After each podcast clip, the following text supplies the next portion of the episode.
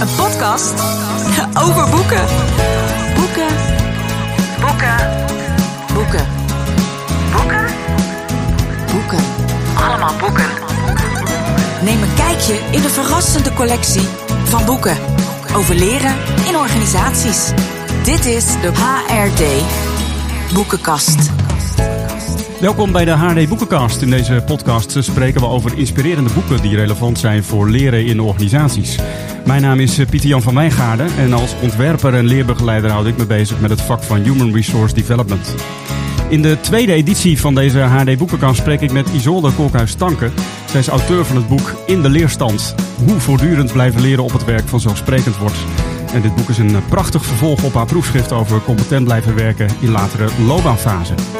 De juiste inspiratie voor op een zomerstrand, bij een knisperend haardvuurtje of gewoon gezellig onderweg.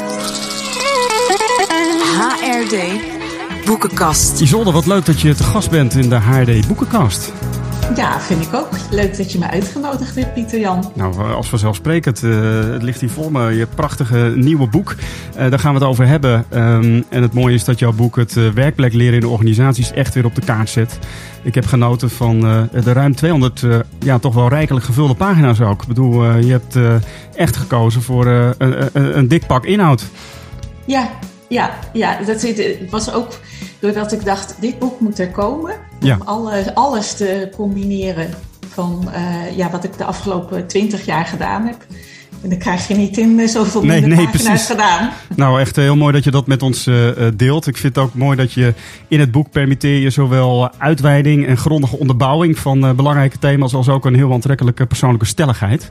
Uh, ik vond het zo mooi na een uitgebreid hoofdstuk waarin je jouw model over versmallen of blijven leren toelichten. Schrijf je opeens uh, in een paar regels van overal geldt, uh, ga het niet voor andere mensen bedenken. En dan zeg je ook, ik zeg dit omdat ik dat juist vaak wel zie gebeuren. Dat is toch een fantastische uitspraak zo na zo'n hele grondige onderbouwing van je model. Ja.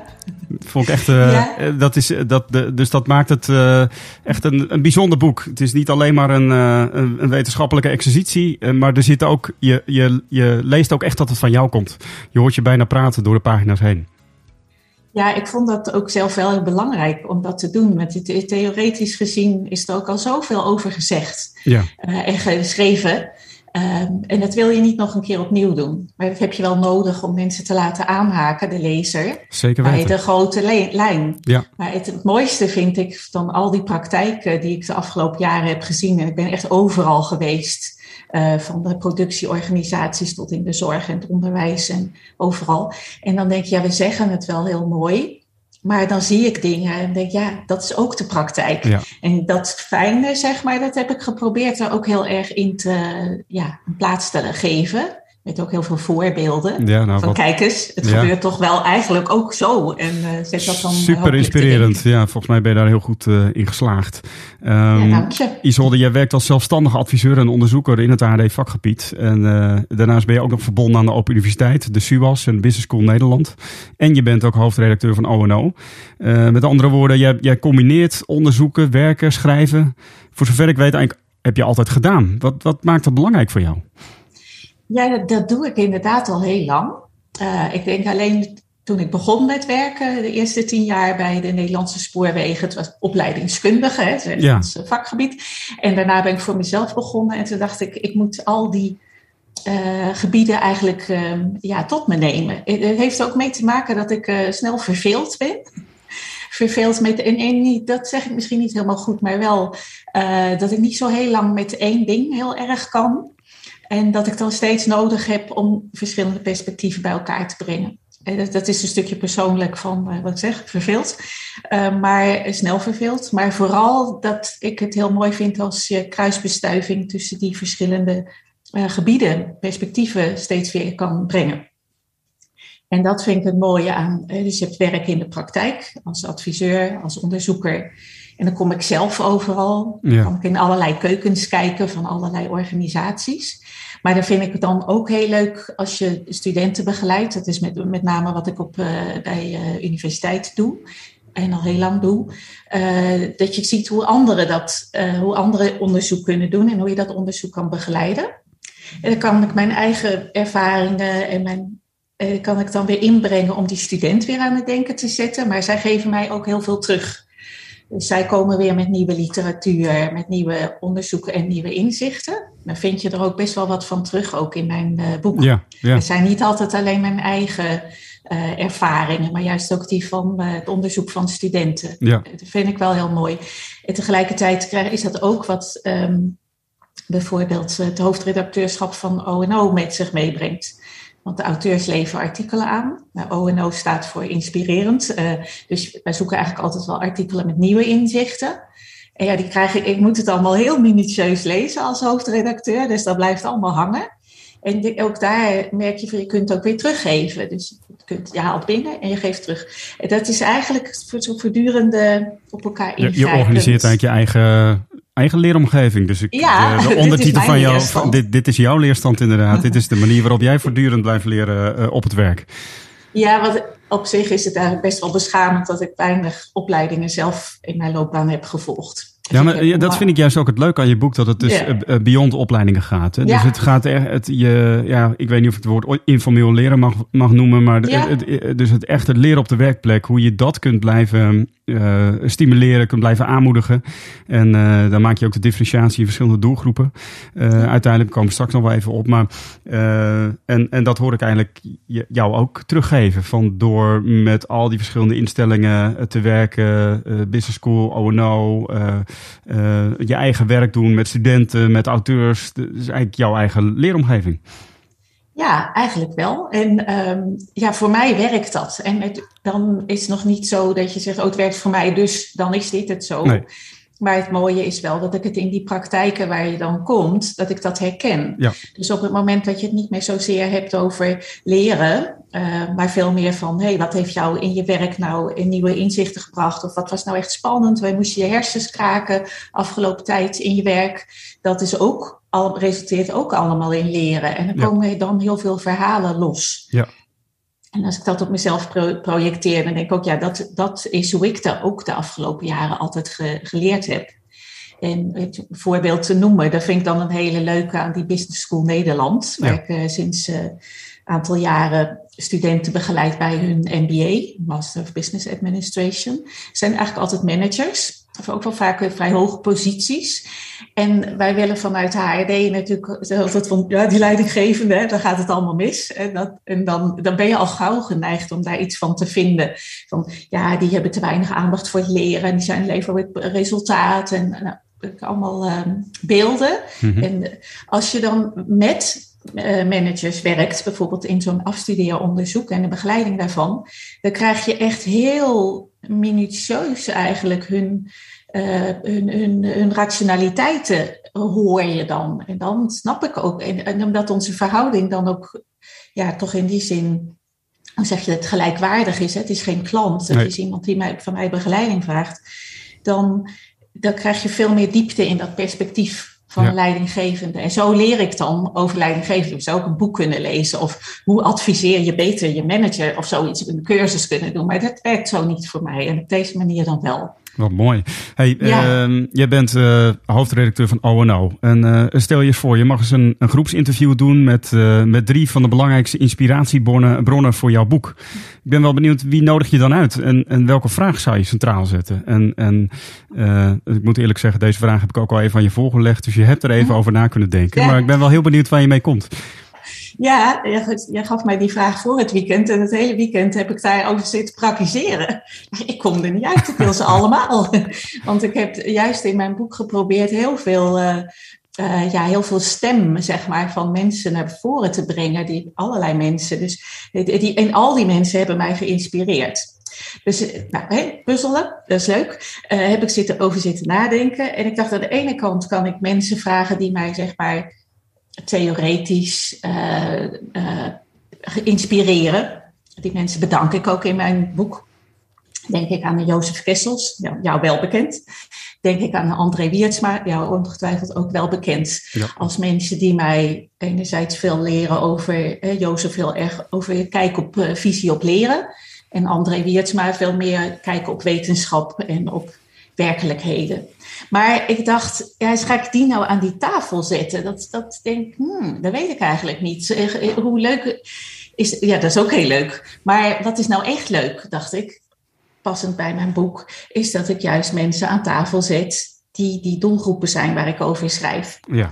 En dan zou ik denken, dan, dan zijn de inspiratiebonnen van professionals, hè, daar schrijf ik over. Dan zijn de mhm. inspiratiebonnen van praktisch geschoolde medewerkers. Mm Dan zijn de van jongere medewerkers en van leidinggevenden. Mhm. en, en daar heb ik zo op zitten piekeren. Ik heb een lijstje gemaakt, Pieter Jan. Zal ze er een paar noemen. Ik vind het tricky om mensen bij naam te noemen, want dit zijn gewoon mensen die in de praktijk staan. Maar ik zal ze wel even schetsen. Natuurlijk, als die professionals zou ik nog steeds Jozef Kessels en André Wiertsma aan de tafel willen hebben. Ik kom dus op meer dan drie uit, zo je begint te begrijpen. Maar ja, eh, dat kunnen we het erover hebben. Ehm, maar ik dacht praktisch geschoolde medewerkers. Over even zijpad. Uh, prachtig hoe er een, uh, een, uh, een rap, een rap viral lijkt, lijkt te gaan over het MBO. Van naam geschreven. Nigel, Nigel, ik ken hem niet, Nigel Seen uh, heeft een lied over het MBO, Ode aan het MBO. Het is echt een groep. Ja, heel gaaf, moet je even opzoeken. Ja, ga ik doen. Luisteraars ook, zoek het op. Het is ook nog een leuk liedje. Um, maar die praktisch geschoolde medewerkers, uh, mensen die dus eigenlijk uh, zeg maar tot, tot aan MBO opgeleid zijn en niet een toegang tot HBO hebben. Het is nog steeds een vergeten doelgroep. Ik heb er veel mee gewerkt. En ik heb daar hele inspirerende voorbeelden over gezien. Mensen die, uh, waarvan wij zeggen van ja, maar die willen dat niet met dat leren. En ze waren ze er nog nooit zo van. En die doen dat wel. En dan heb ik voor ogen, die wil ik dan aan tafel. bij de vraag blijven. Een zorgprofessional die ik in, een, uh, in de ouderenzorg, in een verpleeghuis tegenkwam. Mm -hmm. Vind je het leuk om het verhaal er even bij te horen? Zeker, zeker. Ja. ja. het verhaal was erg leuk. Ik ging daar een onderzoek doen. En ik zou daar actieonderzoek doen. En echt in die praktijk van dat verpleeghuis. Ik dacht, ja, dan kom ik daar binnen als onderzoeker. Ja. Dus je had ook gelijk een bepaalde afstand. En uh, ga ik dan wel alles zien en horen. En wat mensen nou echt denken en voelen. Dus ik vroeg aan een van die zorgprofessionals van, joh, mag ik dan ook een dag met jou even meelopen? En dan krijg ik meer feeling met jouw werk. En laat mij maar dingen doen die je denkt dat, uh, dat, dat mij nuttig kan inzetten. En zij was daar wat terughoudend in. Want ze, tenminste, ze vond het wel leuk dat ik meeliep. Maar ze had toch steeds iets van, oh ja, dat is die mevrouw van die universiteit en onderzoeker en zo. Uh, dus uh, dat gaf eerst wel wat afstand. Maar gaandeweg kwamen we toch lekker aan de praten. En toen zei ik zei van, oh ja, um, we gaan, je gaat lunchen. We zaten gewoon op de werkplek. Zal ik even meehelpen? Melk inschenken, tosties bakken, enzovoort. We waren er hartstikke druk mee. Op een gegeven moment zitten wij met die, uh, met die bewoners aan tafel. En ik dacht, nou ja, ik ben een onderzoeker en vragen stellen, dat ligt mij goed. Dus ik ging bij allerlei mensen aan tafel, ging allemaal vragen stellen. Ja. En op een gegeven moment zei zij tegen mij, zo van, joh Isolde, uh, het, is, het is hartstikke leuk dat jij vragen stelt, maar de deze mensen worden daar echt heel onrustig van. Het, dat wist ik niet. Als, je, um, als je in een verpleeghuis zit en iets van dementie uh, hebt, dat, je, dat dat juist heel onrustig maakt. En zij is natuurlijk daar de expert. En zij wist mij heel subtiel eigenlijk te laten merken van hé, hey, ik heb ook, het is mijn professie, ik waardeer jouw professie, maar weet je, nou, moet, nou moet je ook wel gewoon even iets van mij aannemen. Dat vond ik heel gaaf dat ze dat ook zo deed. Dat dus cool, ja. wil ik heel graag ook aan tafel hebben. Zij wist ook dat traject ook echt te boosten, zal ik maar zeggen, wat we daar gedaan hebben. Daar heb ik dan veel bewondering voor, dat iemand dat uh, zo van de grond krijgt in een toch wat ja, starre praktijk, om het zo te zeggen. Nou, dan zou ik willen een leidinggevende aan tafel natuurlijk. En daar zit ik te denken aan iemand, dat is een eigenaar-bestuurder van een technisch bedrijf. En die, uh, waarom die mij nou zo inspireerde, die had echt heel veel tegenslag gehad. Die was sowieso een compagnon uh, in zijn bedrijf verloren. Mm -hmm. En die was een belangrijke persoon. En daarnaast uh, was het ook iemand die, um, die merkte dat er best wel wat weerstand was vanuit het bedrijf naar hem als directeur. En die dacht, ik moet daar gewoon doorheen. Want ik, ik wil met de mensen verder. En ik wil ook hè, met het gemis van de compagnon ook verder komen.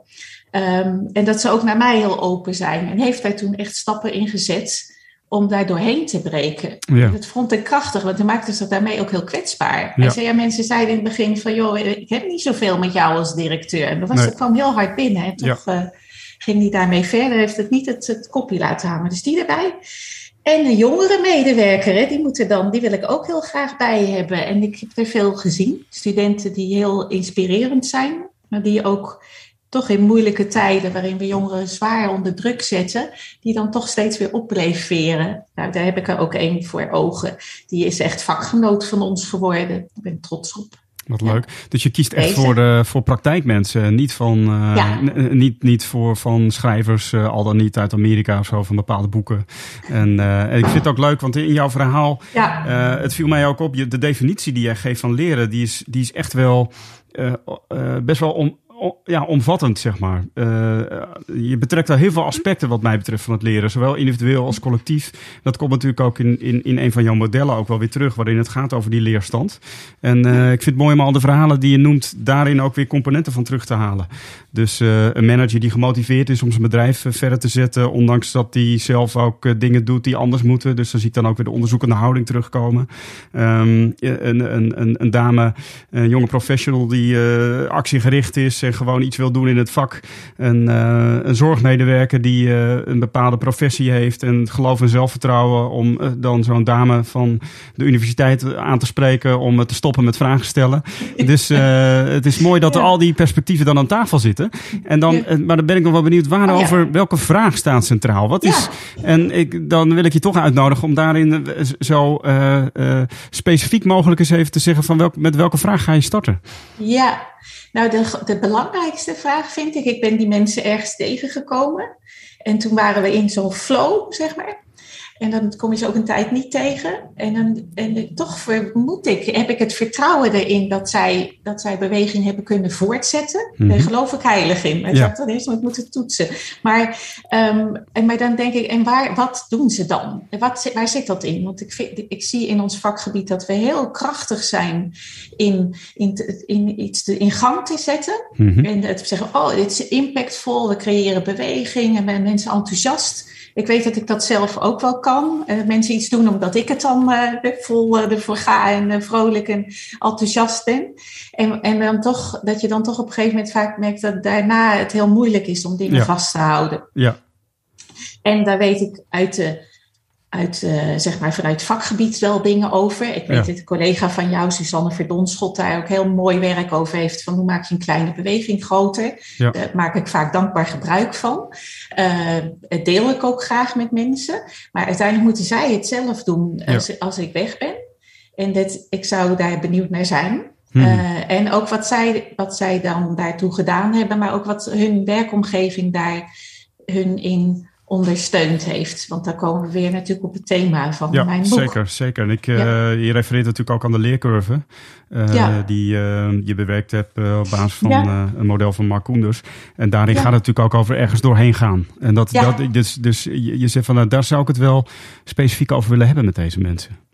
Ja, dat is eigenlijk wel een hele goede. Dat is dan inderdaad misschien wel de aanscherping van die vraag van wat hebben deze mensen gedaan op het moment dat ze merkten van hé, hey, het vol, je begint altijd vol enthousiast, helemaal leuk, eh, vol vertrouwen en dan komt dat, dat moment dat je bijna je kopje laat hangen Ja. en dat je daar dan doorheen gaat. Dus die eh leercurve hoort daar zeker bij. Ja. ja. Nou ja, Ja. eh, misschien ben je zelf ook wel ergens doorheen gegaan, Isolde, bij het schrijven van dit boek. Je schrijft ook van op pagina 29 dat de titel van het boek In de Leerstand ons meeneemt naar maart 2020. Ja. Eh, nou, dan, dan eh, gaat natuurlijk eh, meteen het woord corona popt dan naar boven. Daar schrijf je ook over. Maar vertel eens, wat, ja, hoe, is die titel ontstaan en wellicht ook het idee om dit boek te gaan schrijven? Ja, dat, dat boek schrijven, dat, het stamt wel van langer. Mhm. Dus dat is altijd een lang gekoesterde wens. Maar ik vond het zo, dat hele corona gebeuren zette zo op scherp hoe belangrijk die leerstand is. Dat ik dacht van, oh ja, maar nou zie ik ook echt, nou durf ik het ook echt te schrijven. En nou durf ik echt te schrijven dat mensen die in die lerende mode staan, met dit soort onverwachte, compleet onverwacht eigenlijk, eh, veranderingen, toch voorzichtig aan hun weg, weten te vinden. En mensen die dat niet hebben gedaan of heel weinig hebben gedaan, nou, die hebben het gewoon heel zwaar gehad. Ik wil niet zeggen dat dan die mensen dan helemaal uh, in, de, in een putje wegzakken. Maar die hebben heel veel moeten bijzetten om daar doorheen te komen. En ja. sommige mensen die floreerden er bijna bij. Ik denk dat jij het ook herkent uh, van vakgenoten. Ik, ik, refereer dan nu maar even aan, aan vakgenoten. Uh, de, de een die zag allerlei kansen en die was misschien ook helemaal niet zo huiverig om ineens al die dingen online te gaan doen. Uh, te kijken wat de mogelijkheden waren om, om dingen online te doen. Ja, ja wij, wij hebben in het netwerk van uh, bijvoorbeeld van mensen van de FCE, ja. jou ook wel bekend, ook daar voorlopers in zitten. En denk ik aan een Sibrenne Wagenaar, een Joitske Hulsbos, die al heel lang al iets deden met dat online leren en werken. Ja. En, en dat, dat daarvan uit dan, dat je merkt van mensen die daar gewoon altijd wel in hebben gestaan van, oh ja, dit, dit zijn dingen, nieuwe dingen die je kunt leren en je kunt dat, dan ja. kom je daar heel veel makkelijker uit. Ja. En degene die misschien gedacht hebben van, nou, ons, ik ben trainer en uh, nou, er zullen altijd wel trainingen zijn. Ik ben er goed in, leuk met de groep en uh, lekker in de energie. En dan ineens dat er ineens zo lang niet meer. Daar heb ik wel een paar voorbeelden gezien ja. van mensen die daar helemaal, helemaal in de impasse raakten. Hoe naar dat ook is. Ja. Nou, ik heb het zelf ook al gemerkt. Het heeft mij geholpen om, uh, om het podcast uh, nog meer te gaan ja. doen. Dat is, was hartstikke leuk. En, maar ik merkte ja. ook van, weet je, dat continue online werken, daar was, dat was ook net niet echt... Hoewel ik wel van technologie ben en nieuwe dingen, merkte ik ook van, uh, nou, dat uh, online uh, teams begeleiden of iets dergelijks. Nee, dat was echt niks voor mij. Dus, uh, nee. dus ik, en ik, ik vind ook overigens die titel van jouw boek echt geniaal, De Leerstand. En ik snap ook inderdaad van ja, corona heeft ons wat dat betreft wel voor een uitdaging gesteld. En, en hoe we met die leerstand zouden omgaan. Ja. En hoe is dat voor jou zelf geweest eigenlijk? Ja, nou, ik ben dus ook niet de voorloper. Hè? Dus ik zat daar ook van. De, ik zat de, de, in, in die tijd bij een MBO. Deed ik veel ja. uh, werk, twee dagen in de week. En gewoon lekker op die school rondlopen, helemaal leuk. En uh, ineens was het was ook echt, hè, toen, van, dag, van de ene ja. weekend op de volgende ja. maandag en alles. Je mocht er niet eens meer naartoe. En nee. toen dacht ik, ja, hoe werkt dat? En hoe, hoe log je dan in? Ja. en zo. Het was allemaal uitproberen. Het, um, dus dat maar ik ben ook niet degene die daarin voor oploopt. Ik dacht, het moet, moet wel. Um, en dan ga je wel uh, andere mensen vragen. En collega's die wisten wel, die waren er veel sneller in. En die hielpen je dan mee van, joh, je zal het zo doen met dat scherm delen. Dat knopje zit daar, weet je wel. Ik weet nou net ook alweer zenuwachtig van, uh, gaat het allemaal wel werken als ik hier met jou die podcast doe? Dus het is niet iets waar ik heel comfortabel in voel, maar je kunt het wel leren. Maar wat ik vooral met die, met die coronatijd zo, zo uh, belangrijk punt vond, is dat je dat we ontdekten van, hé, hey, dit is iets, daar kon je, had je niet op vooruit kunnen leren. Nee. Met sommige dingen kun je zeggen van, je nee. kunt zeggen van, ja, artificial intelligence, dat weten we al heel lang. Ja. En dan weten we al dat die beroepen gaan veranderen. En dan ja. weet je dat je daar al iets mee moet. Maar die corona, die was er gewoon. En dan ineens. En Ja. je moest daar in zien, je team zien te handhaven. En dan kun je niet een beroep doen op bepaalde kennis en vaardigheden die je al had. Nee. Zoals je dat kunt zeggen met toekomstig werk van, oh je moet meer leren, dit of dat, of analyseren, of allerlei vaardigheden Ja. leren. Hier moest je het echt hebben van je gewoon je vermogen om je snel aan te passen aan iets compleet nieuws. Ja, en is dat dan Nee. een situatie waarvan jij zegt van dat is wel een situatie die zeg maar ook even ja, tussen aanhalingstekens bij uitstek helpt om in de leerstand te komen? Want, want een van je, Mhm. van je eerste bolletjes in het model, gaan we straks even wat verder op in, Mhm. is, is prikkel en onzekerheid. Uh, dus dit was Ja. wel wat dat betreft een prikkel en onzekerheid. Alhoewel misschien voor veel mensen was die prikkel Ja. ook een beetje te, te scherp uh, en de onzekerheid Ja. een beetje te groot. Dus Ja, dat, dat, dat klopt. Dat is een be- belangrijk punt in dat, in dat model, die twee boogjes.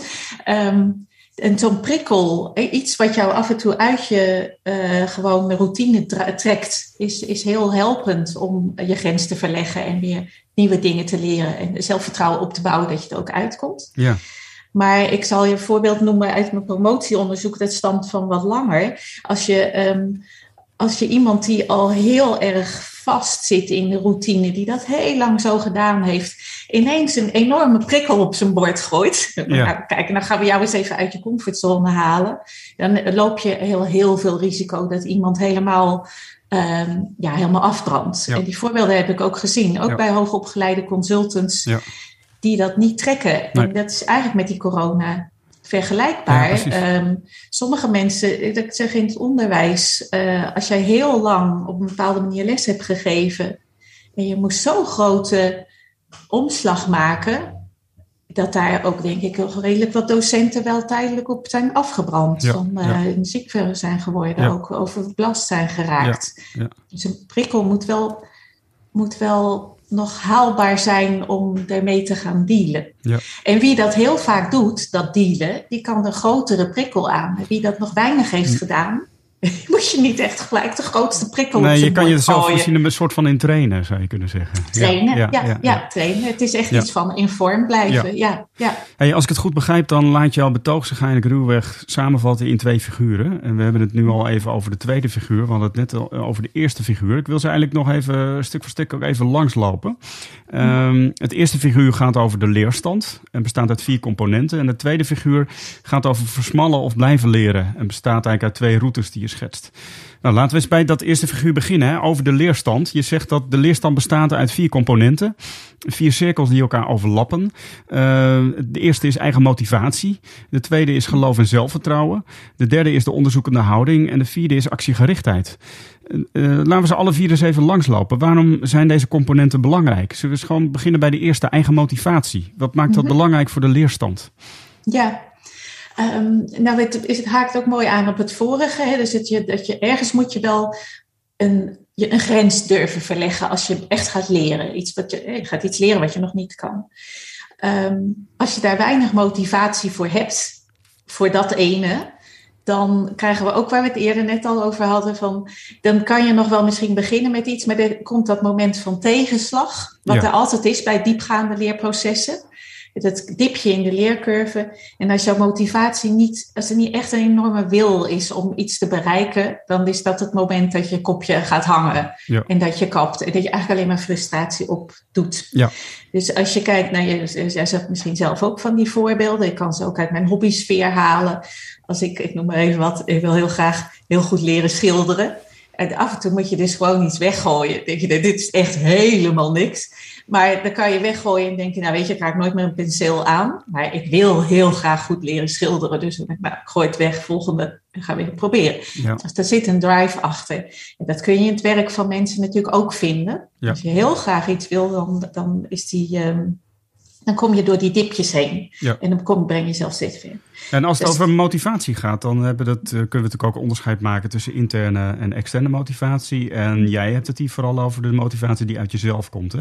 Ja. Uh, dus ja. dat, uh, want, want zou je ook kunnen zeggen dat je als je vanuit externe motivatie wordt het ook lastiger om door zo'n dip heen te gaan? Dat vind ik een moeilijke. Uh, dat heb ik niet onderzocht. Nee. dat wil ik niet hard maken. Dus, dus zeg ik dat uit mijn gevoel. Um, en en uh, ik denk dat, je, dat die intrinsieke motivatie je wel, wel veel langer vasthoudt ja. om, uh, om door die dips heen te gaan. Ja. En die externe prikkels, dat je gauw weer zult denken van, ja, maar als ik die hogere beloning of die leukere positie, kan ik ook op een andere manier bereiken. Nou, laat ik dit zitten, dan, dan, dan kap ik dat en dan hop ik door naar iets anders. Ja, ja tenzij je natuurlijk ja. een hogere beloning jou weer intern motiveert om toch die stap te zetten. Dus in die zin is het ja. natuurlijk ook wisselwerking. Ja. Ja, ja, ik zou niet willen zeggen dat nee. het er niet toe doet. En nee. externe en, en beloning van buiten kan ook zijn heel veel waardering. Ja, ja. Uh, een waardering van een klant bijvoorbeeld is een bijzonder grote motivator, heb ik gezien in bedrijven voor mensen om iets te willen leren, omdat ze dan beter kunnen doen voor diegene voor wie ze er zijn. Nou, dat dus en, en ik zie daarin ook wel een linkje met de tweede cirkel, waarin het gaat over geloof en zelfvertrouwen. Dus ja. ik kan me ook voor de waardering van anderen leidt ook tot meer zelfvertrouwen. Zou je dat zo kunnen zeggen? Want dat is de tweede cirkel, hè? Ja. Kun je daar nog iets ja. over zeggen? Ja, daar kan ik ook wat over zeggen. nou ja, en dat, dat heeft ook weer te maken met die, die leercurve. Dat, leren, wij zeggen dan altijd, ja, leren is leuk. leren moet leuk zijn. Leren is toch helemaal niet altijd leuk? Ja, dat is niet mijn ervaring, althans, dat leren altijd heel leuk is. Um, en als je maar dan moet je toch een soort, veel vaak moet je echt even jezelf bij elkaar pakken en geloof hebben van, ja, maar ik ga daar doorheen komen. Ja. Eh, dit is een tricky punt uh, bij mensen die gewoon weinig uh, het idee hebben dat ze een, een goede lerende zijn. Hmm. We kwamen net al over die praktisch geschoolde medewerkers te spreken. Bij, bij, bij uitstek is dat wel aan de orde. Dat ook dat anderen zeggen van, ah, dat leren is niks voor jou. Ga jij nou gewoon lekker productie draaien. En dan maak je eigenlijk iemand een soort geloof in dat leren, dat hij dat hij niet zo goed is in leren. Maar daar haal je ook eigenlijk die medewerker al bij voor, op voorhand al een heel stuk uit die leerstand. Dus je begint dus er gewoon al niet meer aan. Dit gaat ook over opvattingen over eigen leren. Die, en ook bijvoorbeeld uh, wat we bij Carol de Weck tegenkomen over, over mindset. Ja. Ja, ja, ja, ja, En dan kan je het hebben over je eigen... Dan heb je het over dat, hè, hoeveel zelfvertrouwen heeft iemand in zijn leren. Maar de mate waarin dat ge, gevoed wordt door de omgeving...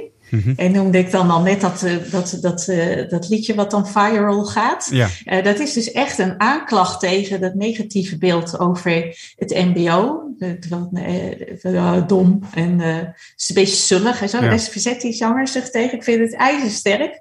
Want daarmee maak je die, die groep, hè, velen in die groep, natuurlijk ook. Het is toch een stereotype wat ze gaat bevestigen. Ja. En dat wil je helemaal niet. Nee. Juist voor die groep is ook dat blijven leren zo belangrijk. Nou, het maakt me des te nieuwsgieriger naar de rap uh, die we straks natuurlijk ja. uh, gaan opzoeken. ja, um, opzoeken de, de derde cirkel was de onderzoekende houding. Ja, ja. Dat vind ik zelf, ja, is logisch, hè? ik ben een onderzoeker en uh, ik vind onderzoek heel belangrijk. Um, wat ik merk, als, als, dat mensen kunnen heel erg veel leren en specialist zijn en worden in iets. Dan zeg ik, ah, ik blijf toch altijd leren, want ik, ik ben toch heel super expert. Maar op het moment dat dat, dat een soort dogma wordt, dat expertise, die expertise, en je niet meer zo altijd nog eens blijft kritisch bevragen van, ja, ik zeg dat nou wel, maar is dat wel zo? En je oor nog eens te luisteren legt bij iemand anders van, hé, hey, zie ik het wel goed? Onderzoek gaat doen, verklopt dit wel? Uh, ja, dan ben je eigenlijk helemaal niet lerend bezig. Mensen die snel oordelen, uh, denken ik weet het wel.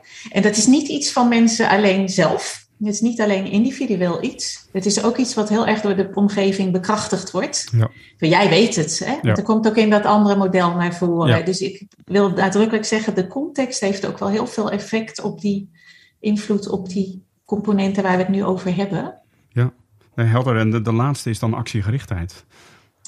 Ja, dat vind ik een, uh, zelf een hele belangrijke. Ik eh, denk in uh, ja, leren is, is niet compleet als, er niet, als het niet leidt tot actie. Nee, dat ben ik het helemaal mee eens. Ja, ja.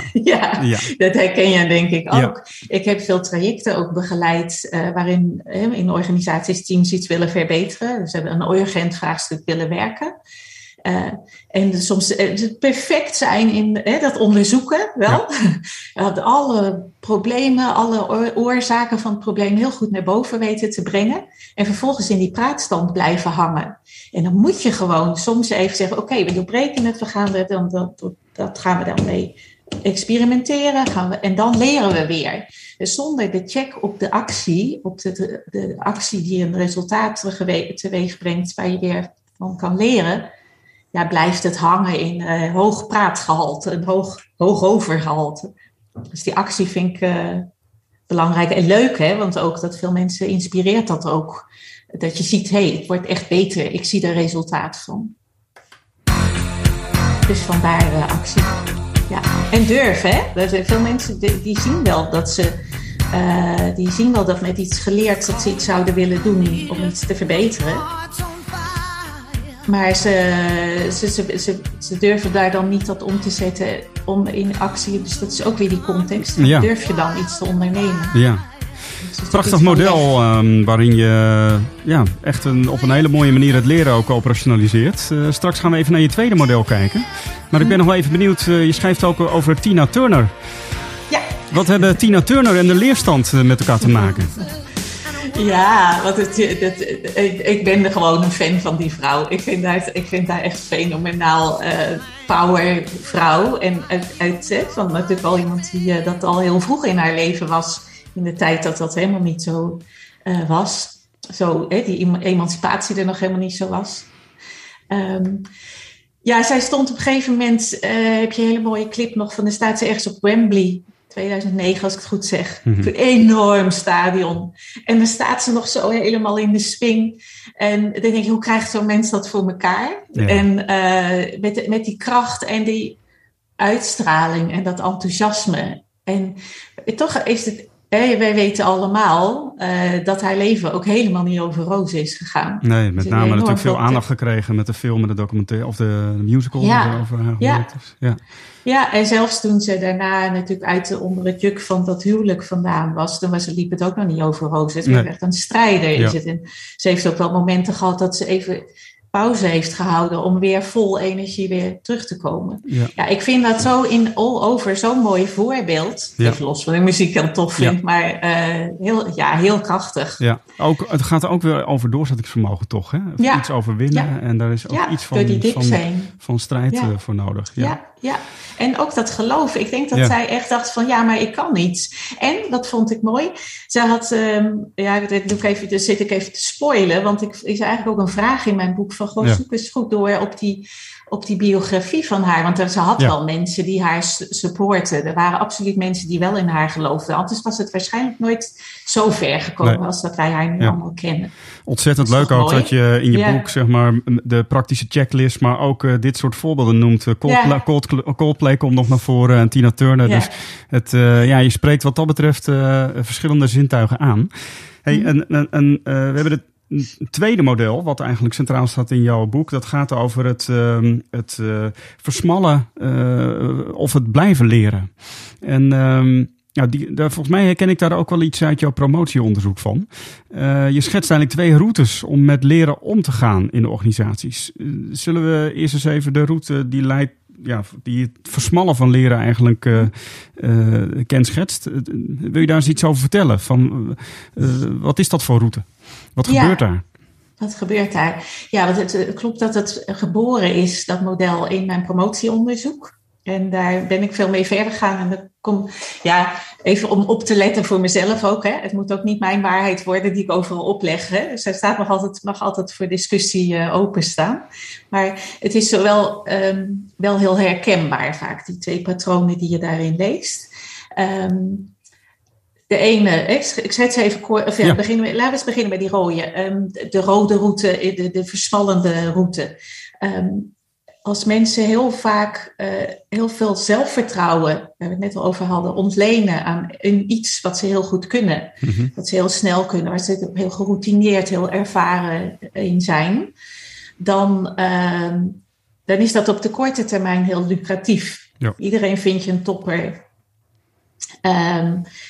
Stel, hè, de docent die fantastisch les kan geven voor een groep. Hmm. En dan komt die corona en ja, daar sta je dan met je, met je beeldscherm. Dan ziet er Ja. ineens wel anders uit. Het is de kant die dat heel goed zijn in iets wordt dan je valkuil op het moment dat je dat niet af en toe eens wat opgerekt hebt. Ja. Weer op uitgedaagd bent. En daar zijn dan toch veel voorbeelden van. En dat zit niet in, per se in de persoon zelf. Die Nee. denkt, goh, ik wil altijd hetzelfde blijven doen. En wat ik met model vooral wil aangeven, is dat de context, de werkomgeving, mensen vaak steeds weer in die doe, doe jij datzelfde ding route maar weer terugtrekt. Ja. En misschien herken jij het als consultant, ik oh, ze wel in ieder geval.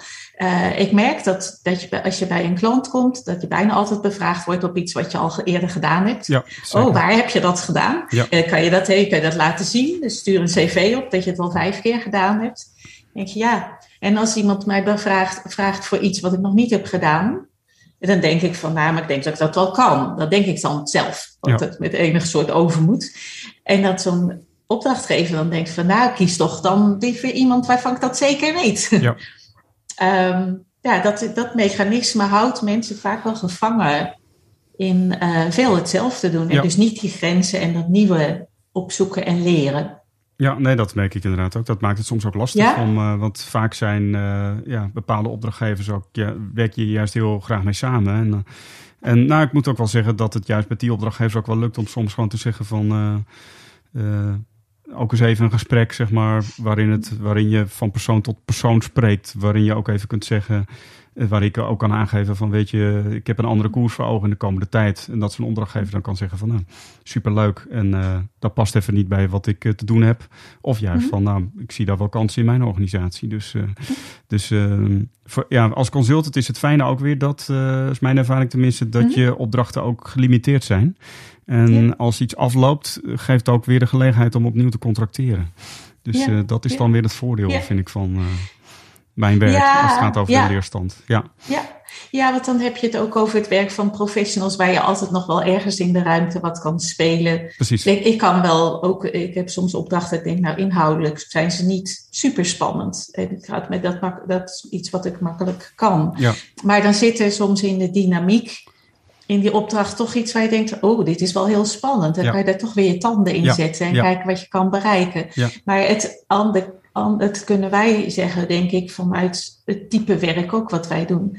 Maar kijk je nou naar mensen in productieomgeving, om maar wat te noemen waar ik veel geweest ben, dan zit die ruimte daar Nee, niet. nee, nee, nee, nee. En dat, dan wordt het wel heel eh, risicovol. Dan, want dan zegt een leidinggevende, eh, zo'n bedrijf, van eh, ja, onze mensen die willen ook niks. Ja. Die willen toch gewoon altijd hetzelfde doen. Ja. Dit heb ik heel vaak gehoord. Ja. Ehm, en dan, dat houdt ze dan ook gevangen. En die Ja. hebben dan ook zelf niet zoveel stuurmogelijkheden om te zeggen: Goh, ik ga zitten in die cel. Ik wil het ook eens vandaag heel anders aanpassen. Want dan, dan lig je er gelijk af met je productietarget. Nee, la, la, laten niet we haalt. van daaruit ook eens kijken naar die andere route. Die route van, van blijven leren. Van, want hoe ziet die eruit? Ja, die, die ziet er zo uit dat je, dat je eigenlijk, nou, laat ik zeggen niet elke dag, maar misschien wel elke week zou eh, iets meemaakt in je werk. Waarvan je zegt, hé, hey, dat, dat weet, daar weet ik niet gelijk het antwoord op. Dat is een prikkel, dat is een trigger, dat is iets spannends. Ehm, en wat maakt waardoor ik iets nieuws moet gaan zoeken, of collega's moet bevragen, of eh, iets op moet zoeken, uit moet zoeken, iets uit moet proberen wat ik nog niet eerder zo gedaan heb. Dus kijk gewoon omdat het dan misschien effectiever is.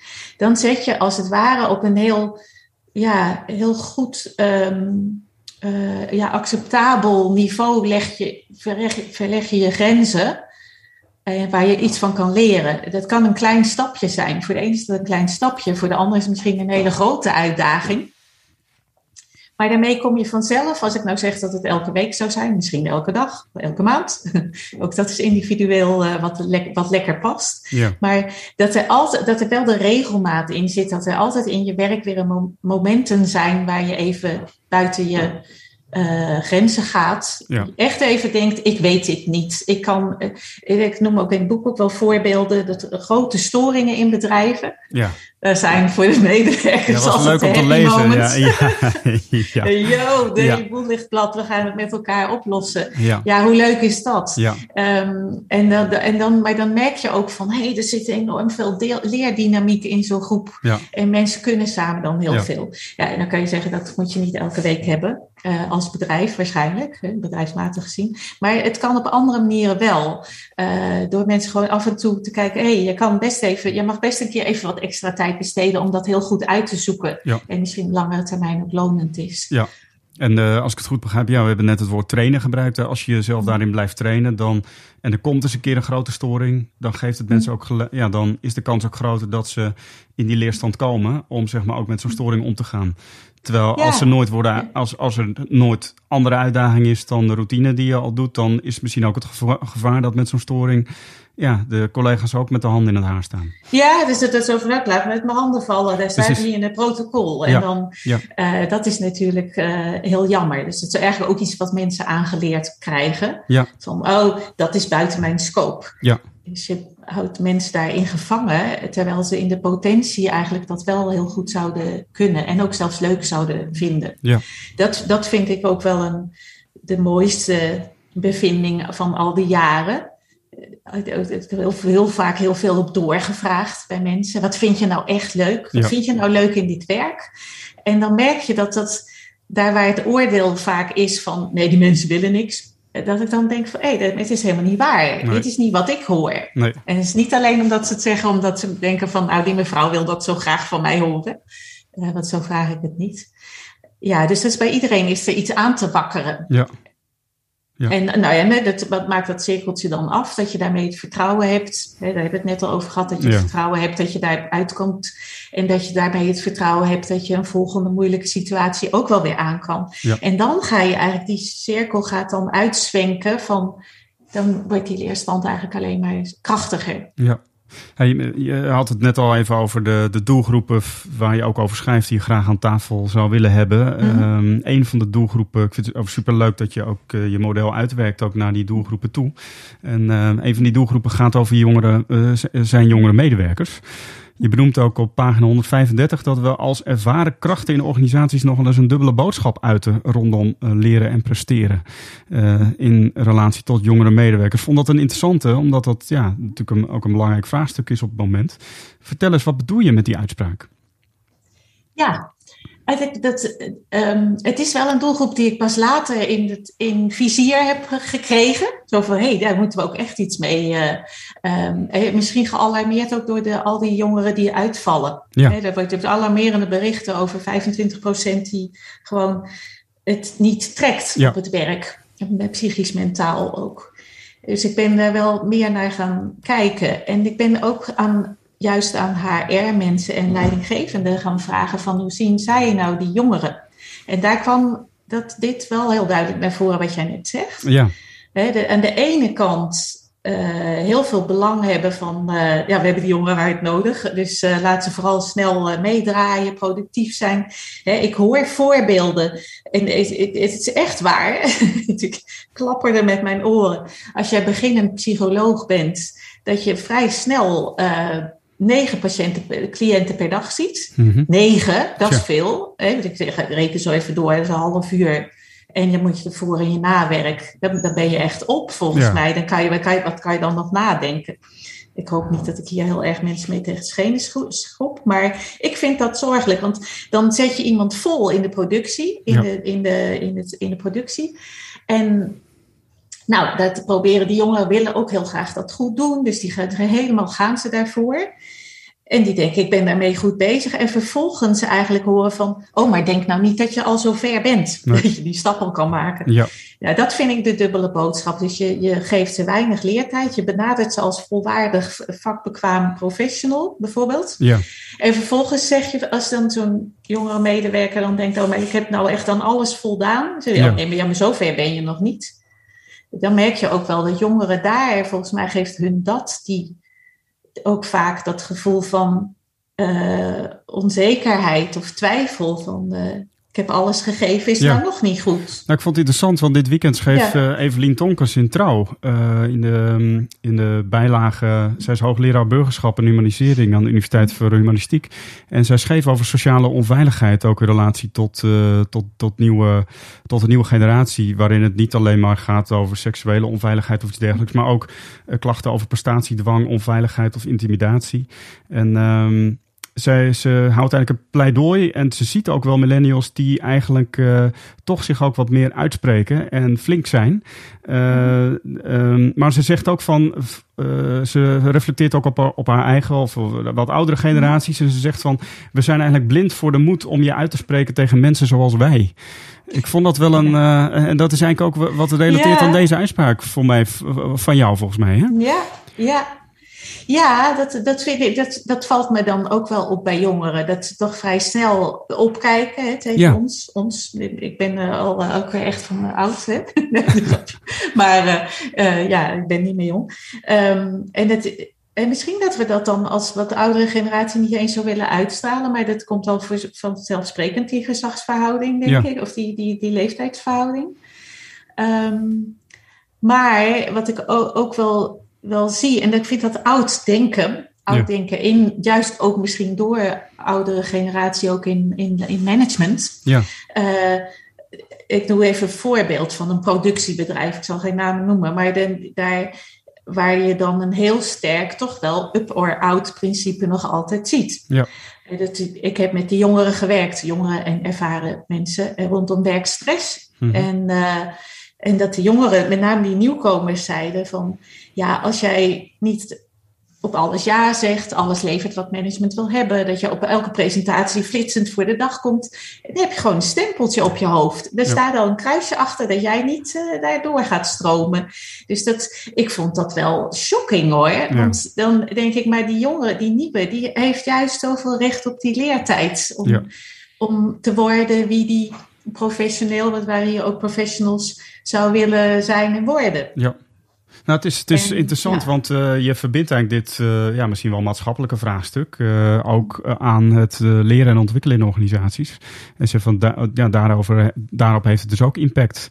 En mm. wat ik mooi vond om in dat stuk van Evelien Tonkers te lezen, van misschien begint het wel bij de acceptatie bij onze generatie, dat, mm. dat we ook accepteren dat het soms lastig is om zich uit te spreken naar mensen zoals wij. Ja, ja, ja, ik heb dat wel ook zelf. Ik neem natuurlijk ook als ik met uh, studenten werk. Ja. En studenten zijn ook altijd jong. En, um, die, en ik beoordeel ze ook nog. Hè? Dus, ja, nou ja, ook dat ja. Dus als ze de werkstukken gaan halen of ze hun thesis gaan halen. En, en toch um, is het, werkt het in een thesis-begeleiding of in zo'n groepje alleen maar lekker als je dan die lijnen wel open houdt. Dus ik, wat ik mijzelf heb aange, ja, aangeleerd en wat ik altijd doe, is dat aan het begin uh, uh, dat we met zo'n groep gaan werken wel heel duidelijk maken. Van, ik ben wel je begeleider, maar ik wil echt heel graag dat, dat wij gewoon. Je bent toekomstig vakgenoot. Ja. En ik, ik doe het al wat langer en jullie ja. beginnen. Um, maar, maar dat wil niet zeggen dat, dat ik het altijd bij het goede eind heb. Of dat je denkt, ik mag het niet zeggen, want straks gaat ze me beoordelen. Kijk, niet iedereen durft dat dan nog steeds, hè? Ja. Maar er zijn er die dat durven. Ja. Dat, vind ik wel heel gaaf. Ja, dus het, kan al helpen om dat aan de voorkant ook uh, duidelijk te maken. Ja, ik heb wel eens een voorbeeld gehad van een student. Toen, gaf, toen was ik nog docent bij de Universiteit Utrecht en gaf hij ook college. En op een gegeven moment stelde hij ook gewoon zo'n vraag. Die zei, uh, zei hij wel met u? Zo van, uh, ja, u zegt dat nou wel. maar u vertelt ook elke keer hetzelfde verhaal. ja, daar heb je ja, gelijk in. Precies. Ja, dat was ook wel echt zo. Dat, oh ja, ja. Prof, zo. Ja. Hey Isolde, tenslotte um, zou ik het nog uh, ook even willen hebben over actieleren. Um, dus je, je, je aan het einde, of eh, heb je zeg maar, besteed je in je boek daar ook wat aandacht aan. Ook in het uitwerken van, uh, van ja, de, de perspectieven rondom uh, de leerstand. En je adviseert om met leerteams te werken om het voortdurend leren te blijven organiseren in bedrijven en instellingen. Leg eens uit, wat voor rol kunnen leerteams daarin betekenen? Ja, het, um, de belangrijkste conclusie uit, van, uit het boek is dat je, uh, wil je dat mensen in de leerstand komen, dat je niet alleen zegt, dat je vooral niet alleen moet zeggen van ga in de leerstand staan. Dat, dat werkt eigenlijk niet zo, maar ga naar die werkcontext kijken. Die, die, die, die appelleert aan de leerstand of niet. En je wilt natuurlijk dat hij dat wel doet. Wil je die, leerstal, wil je die, leer, hm, sorry, wil je die werkomgeving daar beter op toerusten en echt kijken wat mensen juist uit de leerstand haalt, dan kan je dat niet beleggen bij iemand van HR of bij een leidinggevende. Het zit ook heel veel tussen mensen onderling. Bepaalde patronen van werken. Bepaalde gezagsverhoudingen waar we het net bijvoorbeeld over hebben, die er lijken te zijn. Nou, dan moet je eigenlijk al met een gemixte groep daarmee aan de slag. En uh, niet alleen door daarover te filosoferen van, oh nou dan zouden we eens dit of dat uh, moeten doen, maar ook daadwerkelijk dat te gaan proberen en te proberen doorbreken. Ja. En dan kom ik toch wel in die vorm van actie leren, actieonderzoek uit. Ja. Uh, waarbij je echt heel snel probeert dat wat je, het lek wat je boven hebt gehaald, uh, of een dieper liggende laag van leerblokkade, om daar wel direct een spaak tussen te proberen te steken. En te kijken wat er gebeurt als je dat eens anders gaat doen. Hmm. Ga, dat maar eens een proberen, ga dat maar eens een maand proberen en kijken of er dan iets anders gebeurt. En vaak gebeurt er dan weer iets waar je dan ook nog wat mee moet. Ja. Maar dan krijg je een soort lerende dynamiek op gang. Ja, precies. Je zegt eigenlijk dat de ander daarin ook heel belangrijk is. Ja. En uh, wat, wat, ik mooi vond is daarmee, want je begint natuurlijk ook met de leerdefinitie, waarin je het ook zegt van leren is individueel en collectief. Ja. En, en die leerstand gaat, uh, ja, tenminste was mijn perceptie ook wel mm. wat meer in op uh, hoe leer je als individu. En ik Ja. vond het mooi aan het einde dat het collectief dan ook weer terugkwam in die leerteams. Dat, eh, Ja. da- en dat hoort je nu eigenlijk ook weer zeggen. Want Ja. ja, eh, uiteindelijk gaat het, is de vraag misschien van sta je zelf eh, als individu al dan niet in de leerstand of hoe kun je daar meer in komen. Mhm. Maar het collectief helpt daarin wel. En dat je dat met elkaar eigenlijk daar een onderzoeksproces van maakt. Ja, ja ik, zou, ik zou het bijna zelfs durven, het accent durven omdraaien. Dat ik zou, zelf zou durven zeggen van, eh, ja, de, eh, uiteindelijk is de, de individu die leert, eh, maar, maar de impact van die omgeving Ja. op de mate waarin iemand dat doet is zo groot, Ja, precies. dat je daar eigenlijk moet beginnen. Ja. En als we, neem dat leren tussen jongeren en ouderen, Ja. dat, dat, dat, dat, dat kan je alleen maar aangrijpen door dat met elkaar, daar met elkaar aan te gaan werken. Ja. En ook die beelden bijvoorbeeld bespreekbaar maken en daar goede voorbeelden Ja. mee te creëren waarin mensen succesvol samenwerken die van verschillende leeftijden zijn en Ja. ervaringsrijkheid en zo. Nou, ja, prachtig hoe je ook wat dat betreft het individuele en collectieve leren echt, echt onlosmakelijk aan elkaar verbindt. En eh, eh, soms zie je daar een soort scheiding in, hè? van eh, het is of individueel of collectief. En jij zegt even, het een kan echt niet zonder het ander. Nee, het kan niet Nee. zonder elkaar. Nee, Nee. het is voortdurend in interactie. Is Ja. eigenlijk mijn, zou mijn stelling zijn. Ja. Ja. Isolde Kolkhuis-Tanke, Ja. eh, auteur van, van De Leerstand, hoe voortdurend blijven leren op het werk vanzelfsprekend wordt. Eh, heel erg dank voor jouw bezoek eh, hier aan de HD Boekenkast. Nou, geen dank. Ik vond het superleuk. En dank ook voor jouw leuke vragen. Die mij ook weer te denken hebben gezet. en mijn gedachten ook weer scherpen. Zo leuk met jou te spreken hierover. Dankjewel. Dank voor het luisteren naar de HD Boekenkast. En het eh, boek In de Leerstand, hoe voortdurend blijven leren op het werk vanzelfsprekend wordt, dat is uitgegeven bij Boom. En het is, eh, ja, vanaf wanneer eigenlijk Isolde? Vanaf wanneer is het te krijgen? Het is al beschikbaar. Oh, het Je is al beschikbaar, kijk eens aan. kopen. Nou, Ja, eh, ja, maar goed, ja. het is te koop eh, bij de bekende boekhandels en alle online kanalen waar je zelf altijd eh, de boeken bestelt. Heb je zelf een boek waarover je graag in gesprek wilt eh, in deze podcast? Laat het dan even weten via reactie.hrdcafé.nl. Dus stuur even een mail naar reactie.hrdcafé.nl. En we zouden het superleuk vinden om eh, nou, eh, wellicht aan de hand van jouw mail een volgend boek eh, te bespreken. Volg ons op Apple Podcast of op Spotify en je bent dan ook automatisch op de hoogte van eh, de volgende edities. Tot dan. HRD Boekenkast. Want van boeken krijg je nooit genoeg. Kessels En Smith. Broadcasting. Every story needs a cast.